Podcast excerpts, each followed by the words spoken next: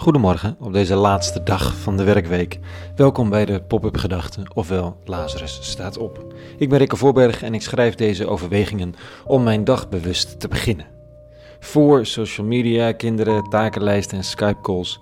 Eerst het leesrooster met de oude Bijbelse fragmenten en me afvragen wat daarin zit voor vandaag. Deze ochtend krijgt de volgende titel mee. Woorden zijn ook daden. Pop-up gedachte vrijdag 20 maart 2020.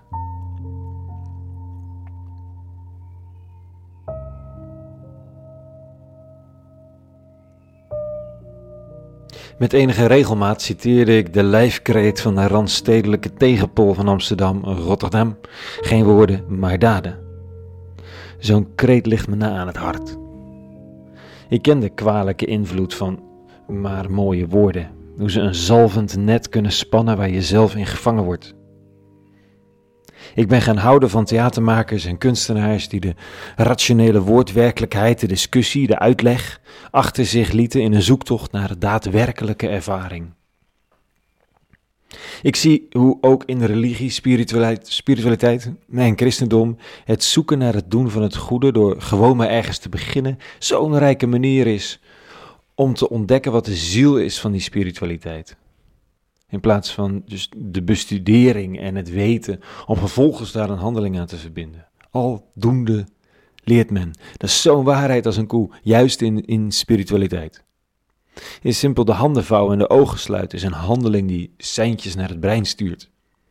En een verdergaande vorm is het islamitisch gebed. Ik heb hier al wel eens verteld hoe ik werd uitgenodigd om mee te bidden en om in die handelingen mijn gebed te richten tot degene waartoe ik mijn gebed wilde richten. En dan ga je dus door de knieën, hoofd op de grond, weer staan, weer knieën, weer hoofd op de grond.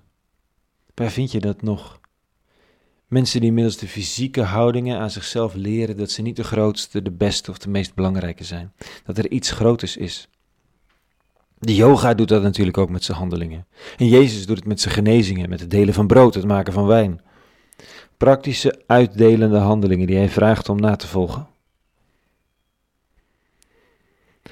Ontdek dat je gelooft, of, of beter gezegd, wat je gelooft, terwijl je aan het doen bent wat goed is voor een ander, voor de wereld.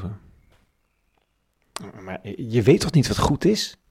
Daar malen hele filosofische scholen hun hersenen op kapot. Precies, dat weet je niet. Daarom begin je eraan. Fijne paradox, toch?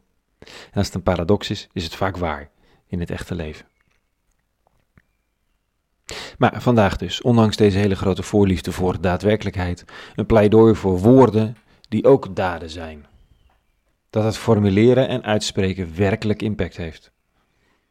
Ik geloof dat dit technisch performatief spreken heet, oftewel een taaldaad. Je met heel je hart zeggen dat je van iemand houdt, dat is een handeling. Hardop zeggen, het spijt me, is werkelijk onvervangbaar door goedmaakhandelingen. Je kunt soms zien dat het iemand spijt, hè? maar als de woorden dan over de lippen komen, gebeurt er iets. Ik ben me daar nog meer van bewust in onze walk of shame, waar mensen blijven vragen of het wel zinnig is om, om gewoon te zeggen dat je je kapot schaamt. In dit geval dan aan een vluchteling die leidt in het dramatische grensbeleid van Europa. En ja, dat blijkt dan van enorme betekenis. Er gebeurt iets daadwerkelijks met de woorden. Vandaag staat er dit in de lezing. Zo spreekt de Heer. Bekeer u Israël tot de Heer uw God, want over uw schuld zijt u gestruikeld. Kom met uw woorden als gave.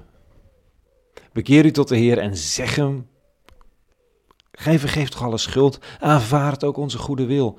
Wij zullen onze woorden als offerdieren geven.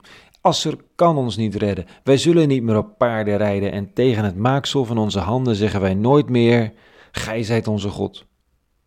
Gij, Heer, zijt immers degene bij wie de wees ontferming vindt. Mensenwoorden hebben scheppingskracht. Spreek het uit en het is er. Gefaald? Kom dan met uw woorden als gave. Dat is een briljante zin, toch? Woorden als offerdieren. Het scheelt ook weer een hoop bloed van dieren.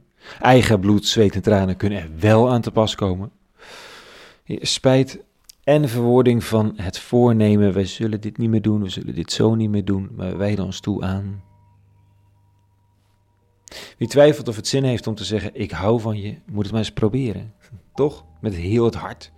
Tegen je ouders, kinderen, vrienden, opa's en oma's.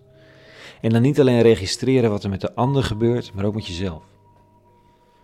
Het geldt ook voor het spijt me.